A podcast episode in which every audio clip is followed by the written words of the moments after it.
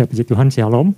Pesan Tuhan yang datang pada kita adalah tentang salurkan kasih Tuhan dengan tulus. Kemarin Bapak Gembala sudah menyampaikan bahwa tulus itu artinya tidak bermuka ganda atau tidak mempunyai agenda-agenda lain, tetapi sesuatu yang benar-benar dilakukan dengan sesuai apa adanya, apa aslinya, tidak memakai topeng. Itu yang ingin Tuhan sampaikan pada kita. Jadi di sini ada suatu yang kita perlu perhatikan ada kata kasih, ada kata tulus. Jadi pesan Tuhan ini yang saya dapatkan, ini melalui mata gereja juga dikatakan bahwa kita perlu mengerti apa makna mengasihi yang benar. Karena ternyata pengertian kasih itu sudah mulai bergeser. Sehingga apa yang Tuhan katakan sepertinya jahat atau jijik. Dan pelayanan tanpa kasih itu seperti sesuatu yang sia-sia, tidak bermakna. Saya mengingat di Bandung, suatu saat pernah ada orang yang menggunakan atau suatu gereja malah menggunakan kata kasih. Tetapi menurut pengertiannya sendiri jadi kasih yang kebablasan kasih tanpa moral. Dan organisasi ini dibubarkan oleh pemerintah. Tetapi kemudian berkembang dan mengganti namanya. Tetapi di Indonesia mungkin sekarang sudah sangat-sangat berkurang. Tetapi banyak yang menggunakan kata kasih ini untuk suatu agenda atau keinginan sendiri. Sehingga menyimpang dari apa yang sebenarnya Tuhan inginkan jadi kita bisa lihat di sini bahwa Paulus dalam suratnya ingin kita mengerti sebenarnya apa sih kasih itu. Mengapa Tuhan sangat mengutamakan kasih kepada Tuhan dan kasih kepada sesama. Seperti apa kasih itu? Kita sebagai orang Kristen sangat disorot dalam hal kasih. Kalau orang dulu mengenal kata orang Kristen, tentunya di dalam benak mereka pertama adalah ada tentang satu persekutuan yang penuh dengan kasih. Dan ciri-ciri ini apakah masih kita miliki saat ini? Atau sudah mulai berubah atau bergeser ke, tempat yang lain. Tapi kasih juga bisa menjadi suatu arti yang lebih mengutamakan hal-hal secara teoritis. Misalnya orang mengerti tentang kasih itu adalah tentang bahasa kasih. Seperti memberi, memberikan hadiah, atau dalam ucapan, atau dalam satu hubungan memberikan waktu. Apakah seperti itu? Kita akan sama-sama lihat apa yang dimaksudkan dalam Roma 12 yang Paulus tulis. Yang pertama yang saya dapatkan, kasih itu adalah anugerah yang dinyatakan dengan tindakan. Kita perlu mengerti mengapa Tuhan menyampaikan tentang kasih dan apa kasih itu. Kita akan sama-sama lihat di Roma pasal 11 ayat ke-17. Roma pasal 11 ayat ke-17, kita perlu mengerti posisi kita dan apa hubungannya dengan kasih. Karena itu, apabila beberapa cabang telah dipatahkan dan kamu sebagai tunas liar telah dicangkokkan di antaranya, dan turut mendapatkan bagian dalam akar pohon zaitun yang penuh getah.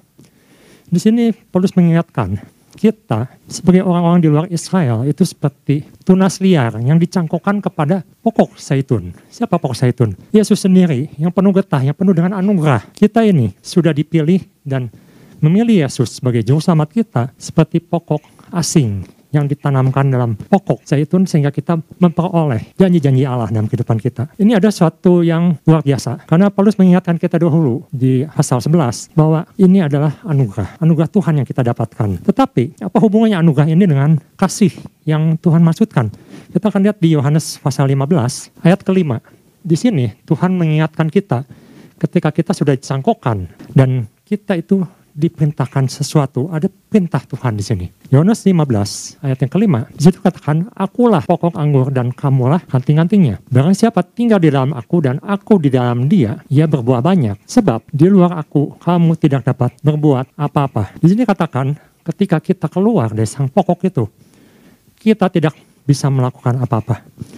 Termasuk dalam memberikan kasih kita bisa memberikan kasih karena Tuhan sudah mengasihi kita dulu. Tapi Tuhan ingatkan di sini, kasih di luar Tuhan itu adalah kasih yang tidak ada apa-apanya. Karena itu Tuhan mengingatkan di Yohanes 15 pasal 10. Di situ Tuhan mengingatkan kembali Yohanes pasal 15 ayat 10. Saya akan bacakan. Jikalau kamu menuruti perintahku, kamu akan tinggal di dalam kasihku. Seperti aku menuruti perintah Bapakku dan tinggal di dalam kasihnya. Di sini dikatakan ketika kita tinggal dalam kasihnya, maka kita akan menuruti perintahnya. Apa itu perintahnya? Kita lihat di pasal 15, Yohanes 15 ayat ke-12-nya. Kita lihat di Yohanes pasal 15 ayat ke-12. Inilah perintahku, yaitu supaya kamu saling mengasihi seperti aku telah mengasihi kamu. Jadi ternyata tentang kasih ini yang berhubungan dengan anugerah yang Tuhan berikan pada kita ketika kita dicangkokkan ke dalam satu pokok yang benar, ada satu perintah Tuhan. Ini adalah perintah Tuhan yang mengatakan, hendaklah kamu saling mengasihi. Jadi kasih ini bukan pilihan. Untuk orang percaya, kasih ini bukan sesuatu yang boleh dilakukan atau bebas dilakukan tidak dilakukan, tetapi ada satu perintah. Perintah ini ada sesuatu yang harus dilakukan, wajib. Dan Tuhan mengatakan jika jika engkau menuruti perintah Tuhan, berarti engkau jika engkau melakukannya, mendengar perintahku, engkau tinggal di dalam aku. Atau Yesus katakan seperti itu. Jadi kita bisa belajar di sini bahwa ini adalah satu perintah yang tulus, suatu perintah yang benar. Karena di sini Tuhan memakai kata agape. Kalau kita perhatikan, semua tulisan Paulus dalam Roma 12 yang dimasukkan kasih di sini bukan kasih persaudaraan atau kasih suatu yang hormat atau suatu yang eros atau yang hawa nafsu, tetapi di sini kasih agape. Semuanya mengulas tentang kasih agape, satu kasih yang sungguh-sungguh, kasih yang tulus. Dan Tuhan katakan ini adalah suatu perintah, kewajiban supaya kita sebagai orang percaya untuk saling mengasihi. Kalau begitu, pertanyaan selanjutnya tentunya apa yang harus kita lakukan? Bagaimana kita melakukan perintah Tuhan ini? Tuhan katakan selama kita tinggal dalam kasihnya, menuruti perintahnya, kita akan bisa mengasihi dengan kasih Tuhan. Itu yang pertama. Jadi kasih itu adalah suatu anugerah. Paulus dengan jelas mengatakan di sini bahwa ketika kita tinggal dalam kasih Tuhan, maka kasih itu akan tersalurkan. Kita akan bisa melakukan perintah Tuhan. Itu yang pertama. Yang kedua, kita akan lihat kalau begitu bagaimana cara kita menunjukkan kasih itu. Yang kedua, saya melihat di sini bahwa ternyata kasih itu ada hubungan dengan pengorbanan. Kita lihat kembali ke Roma. Di situ sangat menarik karena Paulus waktu dia menjelaskan tentang anugerah dan dilanjutkan dengan pasal 12 tentang persembahan dan dilanjutkan dengan kasih dan ada hubungan dengan pelayanan di sini dengan gereja. Jadi di sini saya melihat ada satu kesatuan antara kasih dan pelayanan, kasih dalam gereja dan anugerah. Karena Paulus katakan di sini di Roma pasal 12 ayat yang pertama dikatakan karena itu saudara-saudara Demi kemurahan Allah, aku menasihatkan kamu supaya kamu mempersembahkan tubuhmu sebagai persembahan yang hidup, yang kudus, yang berkenan kepada Allah. Itu adalah ibadahmu yang sejati. Ayat yang kedua, janganlah kamu menjadi serupa dengan dunia ini, tetapi berubahlah oleh pemahaman budimu, sehingga kamu dapat membedakan manakah kehendak Allah, apa yang baik, yang berkenan kepada Allah, dan yang sempurna. Kalau kita lihat, bangsa Israel mempersembahkan domba hadapan Allah di bait Allah. Domba itu akan disembelih. Jadi yang dipersembahkan adalah domba yang sudah mati. Tetapi di sini Paulus mengingatkan kita supaya kita mempersembahkan tubuh, jiwa kita, tubuh kita sebagai persembahan yang hidup, bukan yang mati. Persembahan yang hidup. Mengapa? Karena ini adalah sesuatu yang berkenan pada Tuhan. Yang menyenangkan hati Tuhan. Terjemahan lain mengatakan well pleasing God. Sangat menyenangkan hati Tuhan. Dan menarik juga di ayat kedua, ini ternyata ada hubungannya dengan ibadah. Ibadah yang sejati. Kalau bahasa Indonesia menerjemahkannya ibadah. Tapi kalau kita lihat dalam bahasa aslinya, di situ ada unsur penyembahan atau latreo, unsur penyembahan, worship. Suatu penyembahan yang sejati. Jadi penyembahan yang sejati bukan hanya apa yang kita katakan saja, tetapi seluruh tubuh, seluruh jiwa, seluruh keberadaan kita yang diberikan kepada Tuhan. Itu yang menyenangkan hati Tuhan. Tapi yang menarik di sini, lalu Paulus membawa kepada hal kasih, tentang kasih dan pelayanan. Sempat berpikir, apa hubungannya Tuhan dengan kasih dengan pelayanan. Kita akan lihat di 1 Korintus pasal 13 ayat 1 sampai 8. Di situ jelas sekali apa itu yang disebut dengan kasih. 1 Korintus pasal 13 ayat yang pertama sampai ayat ketiga. Di situ saya melihat ternyata kasih yang Tuhan maksudkan di sini mencakup sesuatu yang sangat luas, sangat yang luar biasa. 1 Korintus pasal 13 ayat pertama. Sekalipun aku dapat berkata-kata dengan semua bahasa manusia dan bahasa malaikat. Tetapi jika aku tidak mempunyai kasih, aku sama dengan gong yang berkumandang dan canang yang gemerincing. Ayat yang kedua, sekalipun aku mempunyai karunia untuk menubuat, mengetahui segala rahasia, dan memiliki seluruh pengetahuan, dan sekalipun aku memiliki iman yang sempurna untuk memindahkan gunung. Tetapi jika aku tidak memiliki kasih, aku sama sekali tidak berguna. Ayat yang ketiga, dan sekalipun aku membagi-bagikan segala sesuatu yang ada padaku, bahkan menyerahkan tubuhku untuk dibakar. Tetapi jika aku tidak memiliki kasih, sedikit pun tidak ada faedahnya bagiku. Kita akan loncat ke ayat yang ke-8. Kasih tidak berkesudahan. Nubuat akan berakhir. Bahasa roh akan berhenti. Pengetahuan akan lenyap. Kita lihat di sini bahwa kasih adalah sesuatu yang superior. Karena dia melampaui semua rahasia pengetahuan.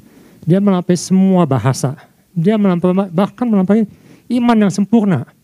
Saya mengerti, ada yang disebut dengan iman.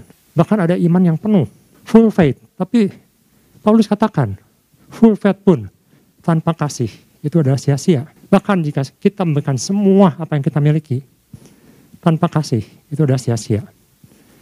Bahkan sekaligus bahkan sampai nyawa kita berikan pun tanpa kasih Paulus katakan itu adalah sia-sia. Jadi ternyata kasih itu sesuatu yang begitu luar biasa yang sampai di masa kekalan dikatakan kasih itu tidak akan berkesudahan. Segala sesuatu akan pudar, akan berkurang, akan hilang. Tetapi dikatakan kasih itu tetap abadi. Karena itu saya pikir, kalau begitu maksudnya apa gitu di sini. Kita akan lanjutkan di 1 Korintus pasal 13 ayat yang keempat. Saya tidak akan mengulas secara detail, tapi di sini ada satu yang menarik yang berhubungan dengan pelayanan atau sesuatu yang berhubungan dengan gereja. 1 Korintus pasal 13 ayat keempat. Kasih itu sabar, sabar. Sabar itu menunjukkan sesuatu yang kita bisa bertahan, menunjukkan berhubungan dengan waktu. Sabar dalam menantikan janji Tuhan misalnya, itu berhubungan dengan waktu. Tetapi di sini juga, makanya bahasa dalam bahasa aslinya disebut makotumeo itu berhubungan dengan ketahanan, persevere, tahan uji. Jadi sesuatu yang dilakukan bukan hanya dalam keadaan baik, tetapi juga dilakukan pada saat sesuatu itu tidak baik. Kata ini dipakai ketika Ayub mengalami pencobaan, ketika Ayub mengalami penderitaan. Kata matu, makotumeo ini dipakai. Di situ ditunjukkan bahwa Ayub bertahan dalam penderitaannya. Jadi saya melihat sini, wah luar biasa. Ternyata yang disebut dengan sabar di sini adalah bertahan, tahan uji, pada saat-saat sesuatunya itu tidak enak. Dan itu yang sedang kita alami saat ini. Ketika sesuatunya tidak enak, nggak biasa, nggak umum, abnormal. Tapi Tuhan katakan ketika kita ingin menunjukkan kasih, maka kasih itu salah satunya adalah sabar, bertahan dalam penderitaan, bertahan dalam keadaan yang tidak enak, bertahan dalam keadaan yang tidak sempurna, yang tidak baik. Jadi Tuhan mengingatkan kita bahwa tidak selalu keadaan itu baik, lancar, tetapi ada saat-saat di mana keadaan itu tidak baik. Dan di sini katakan kasih itu menunjukkan kesabarannya di situ dalam bertahan dalam penderitaan. Kita lanjutkan. Kasih itu murah hati. Ia tidak cemburu. Cemburu di sini maksudnya adalah tidak sirik. Kalau di Roma pasal 12, Paulus mengingatkan dan menunjukkan bahwa begitu banyak karunia-karunia rohani yang dimiliki dalam satu gereja. Tentunya di sini Paulus juga mengingatkan jangan bahwa kita ketika kita bertindak dalam kasih, maka kasih itu menunjukkan suatu ketidakcemburuan. Paulus mengingatkan setiap orang mempunyai masing-masing tugas, seperti tubuh. Ada kelebihannya, ada kelemahannya. Tapi setiap orang ditempatkan Tuhan dalam satu pelayanan untuk dilakukan olehnya.